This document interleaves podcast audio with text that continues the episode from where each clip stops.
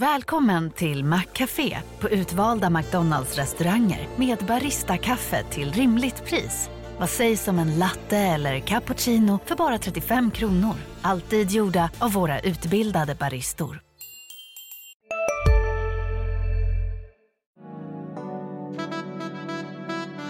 Du lyssnar på en podd från Närkes Allehanda. I det här avsnittet av Nedsläpp Örebro kommer vi in på semifinalen mot Skellefteå. Örebro leder med 2-0 matcher och har ett superläge. Vi sätter ett smeknamn på succékedjan så här långt. Mattias Bromés resa från hånad till hjälte och mycket mer från SM-slutspelet. Och förstås, vad händer med honom? Jag som pratar heter David Helsing och med mig den här gången har jag Hugo Levinsson.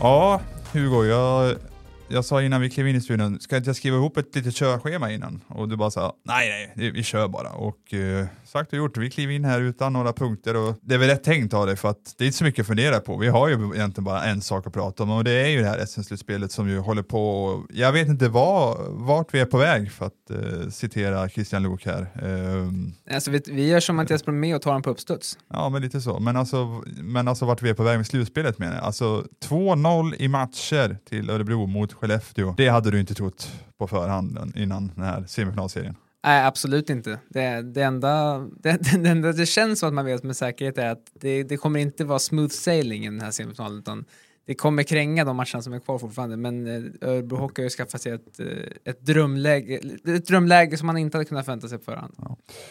Vi backar bandet lite till lördagen första matchen uppe i Skellefteå. Örebro går in och gör en, jag skulle säga en perfekt bortamatch. Skellefteå är spelförande, de driver spelet i majoriteten av de 60 minuter som spelas, men gästerna i Örebro de är förberedda på det. De vet att, det kommer se, att det, Skellefteå vill få igång sitt kreativa spel med ett högt uh, pucktempo och allt det där. Och då handlar det ju någonstans om att uh, försöka hålla dem så mycket som möjligt på utsidan och vara rätt positionerat, vilket jag verkligen tycker att de gör. Uh, det är en, visst, 1-0 kommer när Oskar Nilsson hamnar lite där på insidan, men det är eh, från nära håll att få sätta dit det. Men det är, jag skulle säga att det är en slumppuck eh, som hamnar där snarare än ett dåligt försvarsarbete. Sen 2-0 i powerplay, Filip Berglund misslyckas med rensningen och Skellefteå får sätta upp sin eh, sniper där eh, i, på kontoret och får pricka krysset. Men eh, där vi, eller, eller 2-0 vid 2-1 blir det som sätter. Eh, Rasmus Rissanen har ju självklart ett mål. Från, ingen, från ingenstans egentligen? Ja, från ingenstans, men eh, ändå så logiskt för att det är Rasmus Rissanen han, han, han gör ju bara mål nu för tiden. Eh, så att, eh, ja, och sen så, så, så spelar man med tålamod i matchen och verkligen, ja, man är inte där för att glänsa, man är där för att ta med, sno med sig en seger. Och jag säger att man snor med sig en seger, det är inte ett rån, utan det är en liten stöld kanske. Men man be, för, behöver inte be om ursäkt för sig, jag tycker man gör det jättebra och avgörande målet där, vilket mål! Har du sett det? Du har sett det? Ja, självklart. Ja. Och alltså, ibland kan jag ha svårt att se exakt liksom om ett hockeymål, om det är ett drömdrömmål, om det bara är ett snyggt spelmål eller vad det är. Men, men i det här fallet så hela vägen, det är ett klapp-klapp-spel som heter duga och framförallt Leos geniala lilla, lilla släpp bak till eh, Milton är väl, ja. eh, tycker jag är briljant att han har den uppfattningen och även avväger den perfekt med perfekt kraft. Ja. Så att eh, Milton bara kan smälla över den till eh, Linus. Alltså, Lasse jag såg ju matchen, jag var uppe i Skellefteå i lördags och eh, såg matchen i, sen, på söndag på tv. Så man ju, eftersom man ser så lite hockey så kan man ju se matchen en gång till dagen efter som jag brukar säga. Nej men eh, också att det är kul att få lite andra, alltså man, det är ju det är så hett nu, man vill liksom se eh, hur var matchen på tv då och Lasse Granqvist, kommentatorn, sa ju att nästintill ett drömmål sa han. Eh, jag tycker nog nästan att det var ett drömmål. Det började hela vägen bakom eget mål är Rasmus Rissanen. Som sagt, jag vet inte vad som har hänt där. Han slår en perfekt, ett perfekt uppspel till Leo som kommer med fart och Leo som kommer med fart, han går ju nästan inte att stoppa och han är på väg att ta skottet men uppfattar precis, hinner uppfatta Milton lite i ögonvrån där och eh, sen så Milton i sin tur med en perfekt passning till Linus Öberg, öppet mål. Öberg också och levererar och hela den kedjan, vi kommer väl få anledning att prata om dem igen, men de gör ju så fantastiskt bra. Sen, sen är det ju, Skellefteå, det är ju, de ska väl kanske ha en kvittering där. Enroth gör en omöjlig räddning där, eh, fotbollsräddning. Eh, kort efter 3-2. Men sen tycker jag man stänger igen matchen. Eh, och perfekt genomförd bortamatch, en bra start. Det får med sig en bra känsla in i match två i Örebro igår kväll. Till skillnad från tidigare när man mött Skellefteå så är det Örebro som verkligen tar tag i matchen. Eh, och, och, spelar ut tycker jag. Alltså jag, tycker, alltså jag skrev det i min krönika att den första perioden som Örebro gör är kanske det bästa vi har sett från ett Örebro-lag någonsin. Och det låter ju, som jag skrev, det låter kanske svulstigt och kanske ja men nu tar du i Hälsing, men vi är, vi är facto, de facto så här långt framme på säsongen nu. Vi, det, Örebro är de facto ett av Sveriges fyra bästa hockeylag just nu och eh, spelar ut som de gör i första perioden i det här läget. Det, det måste gå in där på listan bland det bästa man har sett från ett Örebro-lag. Ja, och i, i, i de här två första matcherna så visar man verkligen upp de två olika sätten Örebro kan spela på. Att man både hanterar den här ja, lilla Pressbyrå-stölden i första matchen, men även hanterar att spela ut Skellefteå som man gör i första perioden på hemmaplan mm. med eh, ren bara teknisk skicklighet egentligen. Ja. Och man, kom, man, får med sig en 2-0-ledning och visst, Skellefteå har några chanser det också. De, de är ju skickliga och de kommer alltid få sina chanser, men då står Jonas Enroth där längst bak och är hur stabil och säker som helst. Och sen så, jag tycker man fortsätter bra även i andra perioden, inte lika glimrande offensivt, men man spelar ju mer med kontroller så man vet att Skellefteå kommer försöka gå fram lite mer och tycker man har kontroll på Skellefteå och 3-0 ligger nästan närmare till hans än en reducering i det läget. Det är kontrollerande och det är bra och sen så blir det vad det blir i tredje perioden. Skellefteå, det, det är ett misstag från eh, Backström är ju väldigt olycklig där två gånger om. Det är först att han tappar puck bakom eget mål till Kynackel där som spelar in till Max Lindholm. Enroth gör en superräddning. Backström får chansen igen och kastar iväg pucken men misslyckas och den hamnar rakt framför Kynakilö som har letat sig in framför mål nu och som sprätter upp pucken. Så olyckligt, olyckligt där, men shit happens någonstans. Och sen så tycker jag ändå att Örebro fortsätter pumpa på. Alltså, det är sådär, normalt, om vi jämför med Timrå-matchen exempelvis när det kommer reducering, då var det som att man nästan vek ner sig där i match sju och reduceringen kom kort, nästa reducering kom ganska kort efter. Men nu pumpar man på, man skapar chanser, man är jättenära att göra 3-1, men eh, Söderström gör en räddning på, jag tror det är Öberg som skjuter, eller om det är Berglund, någon av dem. Och det blir en, som, en retur som är så kraftigt, som, som går så långt ut som att det blir som en passning. Och plötsligt den, den är tre mot etta. Och eh, som eh, Skellefteå är skoningslösa på då, och gör 2-2 och därefter är Örebro illa ute en stund. Där blir det lite hjärnspöken kanske, men, eh, och det må vara hänt, men man får ha i åtanke det är två lag på banan. Skellefteå pumpar på med lite energi eh, för att de har kommit tillbaka. Tycker ändå Örebro hittar tillbaka sen och får ordning på spelet igen och det är liksom ändå, det, det har varit stressat förut när de har tappat. Jag tycker inte det var det den här gången. Nej, och som du säger, det, det, var en stor skillnad mellan, jag tror du skrev det i rapporten också, mellan när de tappade, tappade mot Timrå i tredje bland annat, mm. mot det här tappet. För i det här fallet, även om det kom lite förvånande efter att Örebro hade haft väldigt bra kontroll över matchen i andra perioden, så var det inte chockerande. Skellefteå är ett jätteskickligt hockeylag och att, mm. att de kommer tillbaka och gör 2-1 och 2-2, det, även om det inte var chockerande, det var inte den här genomklappningen som vi har sett ibland tidigare matcher i period 3, utan det var ändå känslan när det blev 2-2 och när det stabiliserades lite grann att ja, men det är hockey kvar att spela av det här. Örebro är mm. absolut med i den matchen. Ja, och sen så det går till förlängning och visst, lite déjà vu från förut att uh, Örebro har tappat två matcher hemma i sadden, men det var någonstans som att uh, ja, nu var det dags att ta en seger här liksom. och, och då klev man ju fram då, Mattias Bromé och det, han, alltså hela det bytet, han, han är ju tillbaka där han har varit som bäst när han bara pumpar på med sin skridskoåkning. Han åker han, det är som att han tar något varv i anfallszon där och verkligen tröttar ut Skellefteå-spelarna som får jaga och sen så samspelar man backarna där Hardegård och Holm, Filip Holm som för övrigt växer och växer, hittar fram ett skott och sen så knackar han dit en retur, Bromé. Har väl lite tur men han är på rätt ställe och ja, tycker han hade jobbat till sig det där målet och det blir, det, efter allt som har varit också så ja, väl unt tycker jag att han får kliva fram och göra det målet. Uh, ja, häftigt. 3-2 till Örebro och 2-0 i matcher Hugo. Ja, alltså tur förtjänar man. Mm. Och om det är någon som har jobbat ihop till det här målet så är det Mattias Bromé. Och han, eh, även när det går emot så är han en spelare som hela tiden sliter, kämpar och, och, och uh, ligger inte på latsidan. Mm. Så att man, man såg verkligen på honom hur mycket det betydde att få dänga dit den där, det där avgörandet. Ja, men det får man komma ihåg med Mattias Bromé tycker jag. Han, är ju, han ska ju vara en stjärna. Han är en stjärna i det här laget och är stöttespelare. Men uh, jag tycker oftast ändå, det, det, är aldrig att han tummar på det hårda jobbet. Han vet ju någonstans att, eh, alltså det är inte så att han, jag, om man ska jämföra med, jag vet inte vad man kan ta för spelare istället, men vissa kan ju liksom bara försvinna och nästan bli lite, eh, är det som att de inte vill vara där, alltså när det går emot Mattias Bebé, han slutar ju aldrig åka, han kämpar ju alltid och arbetsinsatsen är alltid där. Och det tycker jag, även om jag, han, han var ju direkt svag de första matcherna i slutspelet, det, det ska vi vara ärliga och säga. Men eh, han har ju verkligen sett, sett till att han jobb, alltså jobbar sig tillbaka in, in i slutspelet. Och det, som sagt, jag tycker han var bra redan uppe i Skellefteå i, i lördags och till viss del även match 7 mot Timrå, även om det faktiskt är han som tappar puck där när Timrå gör sin första reducering där tidigt i tredje perioden och han är lite olycklig. Men jag tycker alltså, jag ty han har haft en uppåtgående kurva och det, det, här är ju väldigt positiva besked för Bo att en sån som han som kan kliva fram samtidigt som mer oväntat namn fortsätter att göra det, för vi måste ju in på den här, eh, måste nästan få ett smeknamn på den här sköna kedjan med Leo Karlsson, Milton Oskarsson och Linus Öberg. Det är ju, det är ju det är inte Junis kedja, för Linus Öberg har ju faktiskt, han jag tror han gör sin, vad är det, hans tredje seniorsäsong. Det här har vi varit inne på, jag, ja. det var ju hans första eller andra som jag började jobba och det var ju 2020. Ja. Så det, det, han Precis. har varit med Så vi kan inte kalla dem juniorkedjan. Men, jag, jag fastnar lite för, jag, jag, jag har hört 00-kedjan kastas runt, det mm. känns ju som ett 2 plus-namn.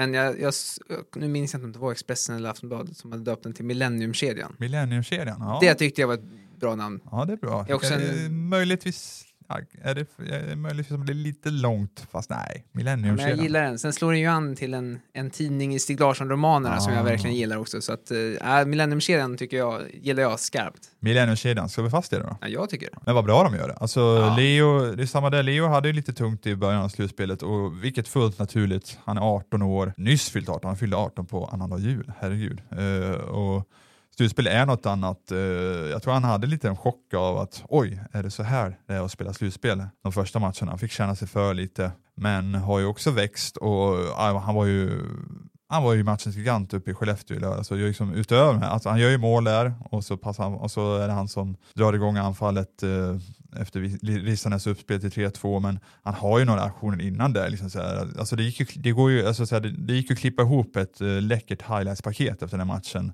och, vilket jag såg folk också göra och spred på Twitter, för att han är ju som sagt han är ju väldigt omtalad inför draften här. Och, ja, han uh, cementerar ju sin uh, position inför draften, att han är, alltså, han kan kliva fram, för det var väl det som var lite osäkert, kommer han kunna göra de här grejerna i ett slutspel? Och visst, en osäkerhet de första matcherna, men nu, han han, spelar ju på som att det är allmänhetens åkning även i slutspel. På ett positivt sätt säger jag då, så att säga. Ja, han, alltså Leo är ju helt fantastisk. Mm. Och han är ju han är ju verkligen, jag tycker den här sekvensen som vi började programmet med att prata om, när han droppar den till Milton, drömmålet upp i Skellefteå. Just den droppen och den speluppfattningen tycker jag är så tydlig att det skiljer talangen från supertalangen lite grann. Mm. Att han har den dimensionen också. Det är inte bara snabb skridskoåkning och, och bra handled liksom. Men eh, nu, nu, alla rubriker kommer ju på Leo, hamna, handlar om Leo, det är Leos lekland och det är det ena med det tredje. Och det, så ska det ju vara också, det förtjänar han ju alltihop.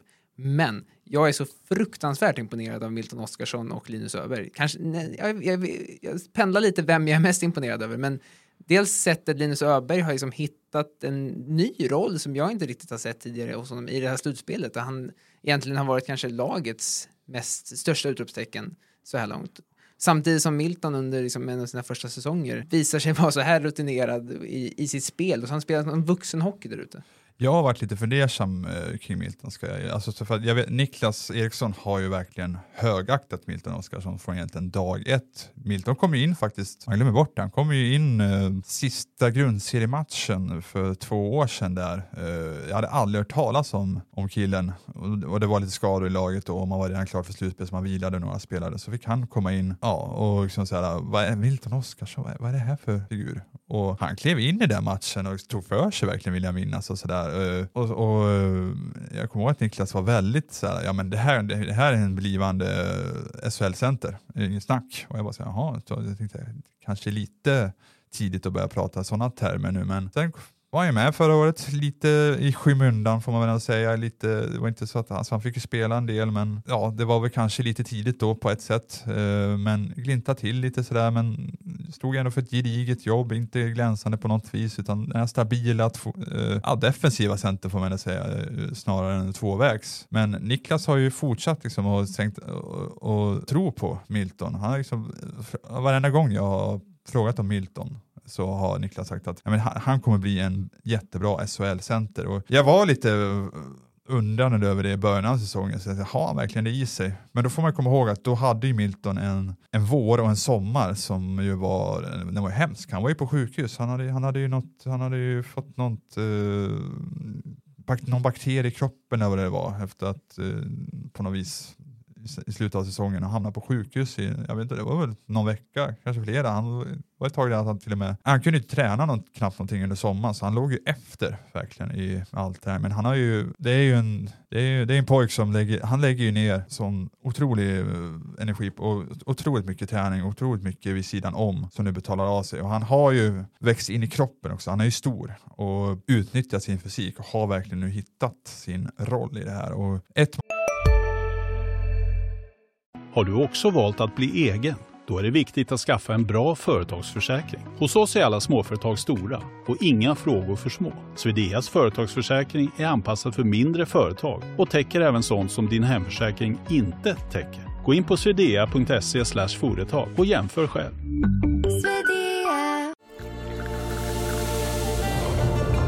Välkommen till Maccafé på utvalda McDonalds restauranger med Baristakaffe till rimligt pris. Vad sägs om en latte eller cappuccino för bara 35 kronor? Alltid gjorda av våra utbildade baristor.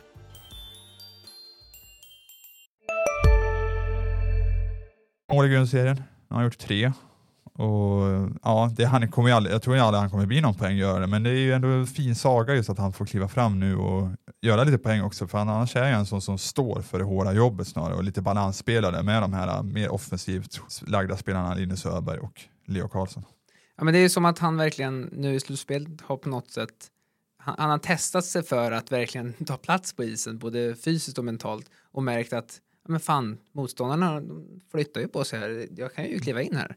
Och han har liksom det här du är inne på med att han har lärt, vuxit in i kroppen, lärt sig använda den, tycker jag är väl en väldigt viktig poäng. Mm. För det, målen han gör är ju ofta sådana, han, han är ju stor, han är stark, han är bra framför kassen. Mm. Och i det offensiva spelet känns det som att det är där han ska försöka vara. Mm. Och täcka och vara jävlig och skymma och styra puckar och sådär. Och, jag, och används han på det sättet, på rätt sätt, då, då kan, kommer det absolut komma poäng från Milton Oskarsson. Sen kommer han ju inte göra 40 mål på en säsong. Nej. Men han är väldigt, väldigt nyttig i det spelet och det är som att han verkligen har vuxit in in i både kropp och roll nu under slutspelet, mm. vilket kanske var en fördröjd effekt av hans eh, ja, den, den, den, tuffa sjukdomsperioden han hade i somras. Mm. Och Linus Öberg, alltså, Linus Öberg vet vi, vi visste någonstans vad han går för, alltså, han har ju producerat i SHL tidigare, så den, den sidan har vi inte haft några, du, alltså några tvivel kring Nej. innan. Men det jag tycker han har adderat nu eh, är ju att han är mer involverad i spelet. Alltså kolla Berglunds mål, det är han som drar igång det med sitt jobb i hörnet där, river sig loss från eh,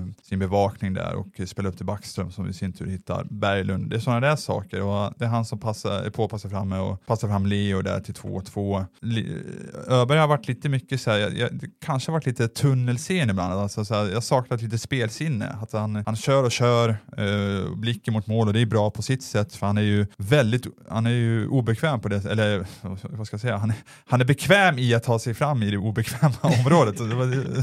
om vi hänger med. Men han är alltid inne framför mål och grötar och, och han vet att han kommer få två spelare över sig och på det sättet gör han bra. Men det har väl kanske varit någonstans att jag saknat lite spel från hans sida. Nu, nu är han ju mer involverad på ett sätt som han inte varit tidigare och det, det känns som att han har ju verkligen hittat nästa steg i sitt spel och tillsammans blir ju det här en sylvass kedja och fantastiskt roligt just att och alla tre har ju liksom kommit fram ur Örebros juniorverksamhet också. Eh, Leo med sin blixtresa, Milton och Linus då, som har gjort helt hela resan då, får man väl säga. Så att, eh, det, är liksom, det blir ju någonstans eh, cred till eh, Lövdal och kompani på eh, junior och utvecklingssidan som har eh, gjort ett jättebra jobb här och att eh, det betalar av sig, den satsningen där.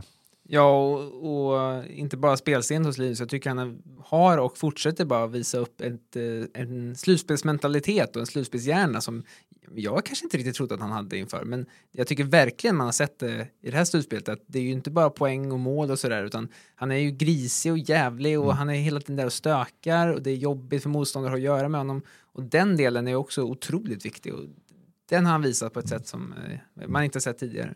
Hettan så här långt då? Ja, Örebro-Timrå, det var en grinig serie tycker jag. Det var, det fanns, det var mycket tjafs efter avblåsningar, en hel del gurgel då, för att citera Niklas Holmgren och, och sådär. Men eh, ganska lugnt hittills. Uh, vad tror du det beror på? Är det liksom, är det att det börjar stå mer på spel kanske?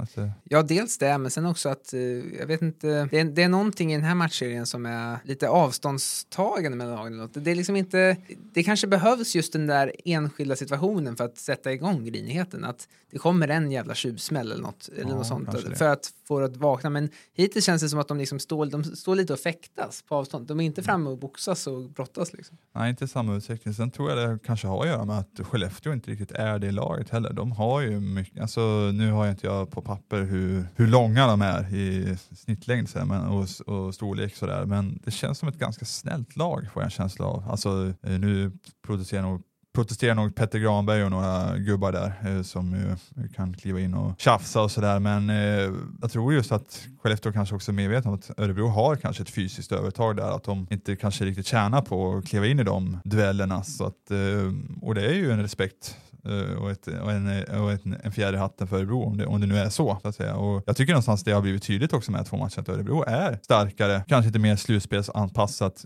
eh, och, än vad Skellefteå är. Sen får vi, inte, vi får se, vi kanske sitter här nästa podd och så har Skellefteå fått igång maskineriet och spelar bättre slutspelshockey, vad vet jag. Men så här långt så tycker jag det blir tydligt att Örebro är mer redo för slutspel typ än vad Skellefteå är. Ja, men det, det, tycker jag absolut man märker och Skellefteå är ett lag med, med en hel del finlirare som är duktiga på den typen av hockey, så det kan, det kan ju vara så att de lite gemensamt känner det att eh, vi, vi ska inte spöa Örebro på det Örebro är bäst på, utan vi ska spela vår hockey och försöka spela ut Örebro.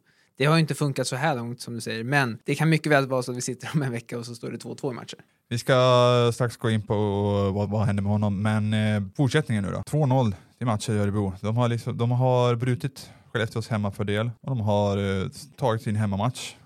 Alltså, det, är, det, är samma, det är inte samma läge som i Timrå eftersom eh, Örebro inledde den matchen hemma, men faktum är ju att Skellefteå måste vinna fyra av fem matcher här eh, mot Örebro. Det är, och sån, det, Örebro förlorar sällan fyra av fem matcher. Jag tror när man förlorar fyra raka någon gång den här säsongen, annars så är det ju det är stabiliteten som jag tycker har talat för Örebro under egentligen hela säsongen och även nu i slutspelet. Just det här att man aldrig faller igenom särskilt djupt och man förlorar sällan mer än två matcher i följd, vilket också varit de facto i, mot Timrå där. Man visserligen man tappade 3 till 3-3 men hittade tillbaka till 4-3. Man är bra på att studsa tillbaka och nu har man satt sig i jättebra position så att eh, alltså det är klart att det är fördel Örebro just nu. Vi kan inte sitta och säga något annat. Nej, det är ju jättefördel Örebro. Och som du är inne på så känns det som att det här ger också ett jäkla lugn till Örebro. Skulle de förlora nästa match så är det...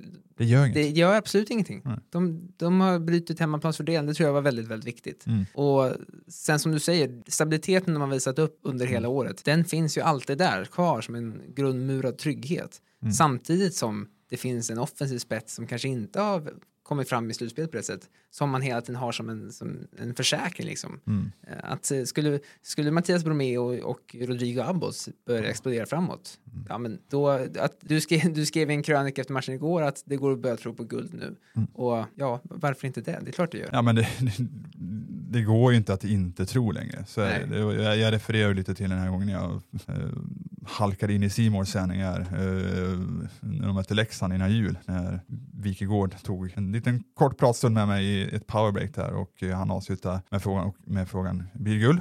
Eh, och då sa jag nej, sa jag kort. Eftersom det, det var på, powerbreaker var på väg att ta slut så jag var tvungen att fatta mig kort. Men ja, jag kan alltså så här, ja, du hade fel Helsing, ja, det vet vi inte än. Men eh, jag, jag, alltså, jag tror de flesta höll med mig där och då kanske. Att det här, det, det är fortfarande en bit kvar. Men de har, de facto har de gjort en resa efter det. Alltså det, för det var, ju, det var ju då de hade, kort innan hade de haft den här förlustsviten på fyra raka matcher, men sen, har de, men sen vann de ju, det här tror de var på väg att vinna sin fjärde raka mot Leksand där, så men då handlade allting någonstans att hitta den här stabiliteten som de kanske inte riktigt hade haft på den, under den säsongen, fram tills dess under säsongen. Så att, eh, och därefter, ja, resten är historia höll på att säga. Men, eh, ja, man, man ska ja. inte glömma heller att alltså, med rätta så fick vi på redaktionen, jag tror det var du som skrev den, skriva texter om att uh, man fick nästan börja oroa sig lite för kval eventuellt. Ja, det skrev jag efter Växjö hemma 1-5. Och, och, det var, och det, det var helt rimligt att skriva då, för det var så läget såg ut. Ja. Och att man har tagit sig från den punkten till dit vi är nu, när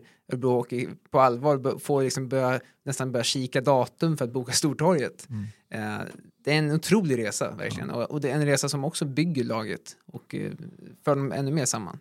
Du, vi, vi sa att vi skulle vara ganska korta idag, eh, för det kommer ju match redan imorgon, så att eh, vi blickar fram emot den och så rundar vi av veckans podd med vad hände med honom?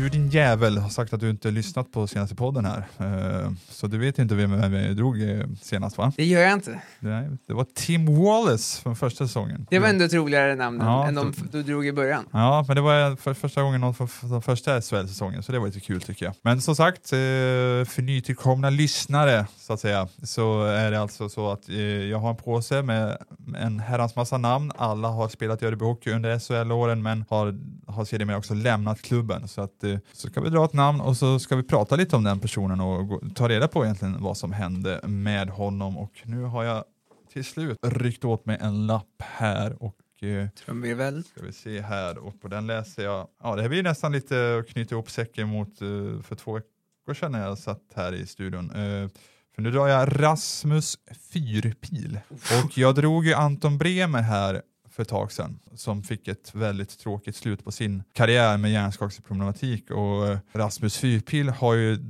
jämngammal med Anton, kompisar, har spelat ihop, har också, fick ju också lov att lägga skridskorna på hyllan och det var ju en, eh, en väldigt, väldigt eh, tråkig process. Eh, för att det var, ju- han hade ju problem med var det benet tror jag, sånt där. Han, fick ju, han kom ju fram i Örebros juniorverksamhet, han är ju örebroare. Eh, eh tror jag. Kolla upp så att han inte är så, men jag, jag, jag har för mig att han är härifrån. Han är örebroare. Ja, precis. Och kom fram i Örebros juniorverksamhet och eh, tidigt och sågs ju som en ganska lovande talang. Eh, en av de tidiga talangerna så att säga.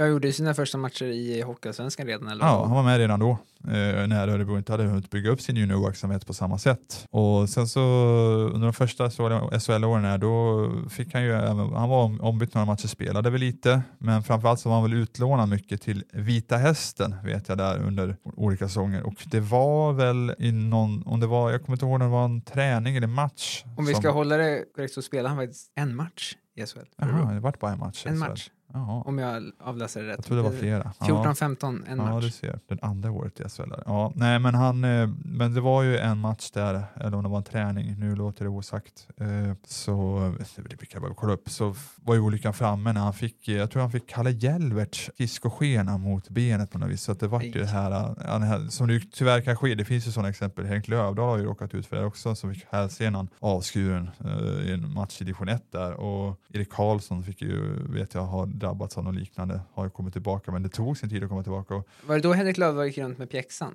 Ja, jag tror det. Att det var då. Han var Men, eh, nämligen, eh, han var ju, han, han var inne och ryckte in och hjälpte till lite på Adolfsbergsskolan där jag gick då. Ah. Men, så jag minns hur han gick runt med den där pjäxan. Precis. Men eh, så här var det. Eh, han fick ju en, eh, en, en avskuren ske- en skena då, eh, i något sammanhang där i, i Vita Hästen. Och sen så fick han ju, det, det var ju en soppa med hans behandling. Det vart ju det vart ju operation och grejer men det vart ju, han fick ju fel, det vart ju felbehandlat allt det här. Och jag kommer ihåg det var ju rubriker om att, så här, att hans senor hade ruttnat till och med. Det var liksom sådär, alltså det var ju så äck, alltså, alltså, Äh, det gick knappt att läsa, läsa alltså. hur illa det var. Och, ja, vi har skrivit jättemycket om det här eh, och sådär. Och han gjorde ändå sina försök, han eh, kom tillbaka, gjorde försök, jag vet att han var, gjorde några matcher med Lindlöven där, 16-17, jag var på plats på en match där, jag tror det var däremot mot Kumla till och med. Två stycken, en assist Ja. han hade med. Och, sådär. Men, eh, och sen så gjorde han även några matcher som överårig i J20 den säsongen vet jag också. Tre stycken, ett mål. Ja, det ser. Men, eh, och han hade kontrakt vet jag, 17-18, men det höll liksom inte. Han, han kom aldrig tillbaka från den här skadan och till slut så bestämde han sig för att lägga av och det var liksom just att både han och eh, Anton då, Bremer som ju, de har en resa tillsammans som har fått gett upp sin, eh, två lovande hockeykarriärer. Det är ju väldigt sorgligt men det fina är det på ett sätt, fina kanske fel ord, men eh, är att de har ändå ett öde tillsammans någonstans. Att liksom så här, de kan ju verkligen hämta styrka av varandra i det här och jag vet att de umgås privat och sådär. Så att, eh, det, de har varandra i det här. Eh, för det, det, är ju ändå eh, tragedi på sitt sätt, alltså tragedi rent individuellt sett. Så att de, de skulle leva på hockeyn, de skulle bli hockeyproffs med, men har fått ge upp det. Ja, och det visar ju också hur skört det kan vara med en så pass talangfull kille som Rasmus Fyrpil och få lägga av, vet jag inte exakt när la av, men 21-22 år gammal. Mm. Och nu läser jag en rubrik här från SVT. Senorna ruttnade, han kan tvingas sluta spela hockey. Och så har varit en, han, han, gjorde till och med en sån här IVO, säger man IVO, säger man va? IVO-anmälan ja. till och med. Alltså det var, en, det var en process där, jag vet inte hur det har gått med den. Uh, kanske vi ska kolla upp. Ja, det. Vi har ju, det var ett tag sedan vi pratade med Rasmus nu. Uh, vi vet att vi gjorde en längre läsning med honom efter att han har tagit beslutet. Jag vet att Lasse får mycket kontakt med honom, även jag Eh, under stunden där. Men eh, ja, tråkigt öde. Tråkigt avslut på podden också. det är jättedeppig stämning ja, så är det. Men eh, ja, en, en fin pojk i alla fall, Rasmus. De gånger jag har pratat med honom. Jag, jag tror ändå han har en, jag vet inte vad han gör idag, men min, mina intryck där och då när jag intervjuade honom var att det kommer ordna sig. Han kommer nog hitta, hitta en bra civil karriär istället. Så att ja, det kanske är läge att ta reda på. Ja, det kanske blir en, en ex, liten uppgraderad vad händer med honom. När ja. till och med kollar upp det till nästa Exakt. avsnitt. Inte omöjligt. Med det tycker jag att vi rundar av. Tack så mycket Hugo. Tack så mycket och David. Tack till er som har lyssnat. Glöm inte att prenumerera på podden och så går ni in på enna.se och läser om det senaste kring Örebro Hockey. Vi, vi är ju på plats hela tiden, överallt. Eh, Skellefteå imorgon eh, och sen så smäller det här på långfredagen i Bern Arena. 19.30 nedsläppstid, den något diffusa starttiden, men så är det. Eh, det är påsk så att vi kan, vi kan, vara, vi kan vara vakna länge. Det är mycket religion och annat diffust också som pågår. Så. så är det. Tack så mycket för den här gången så hörs vi snart igen.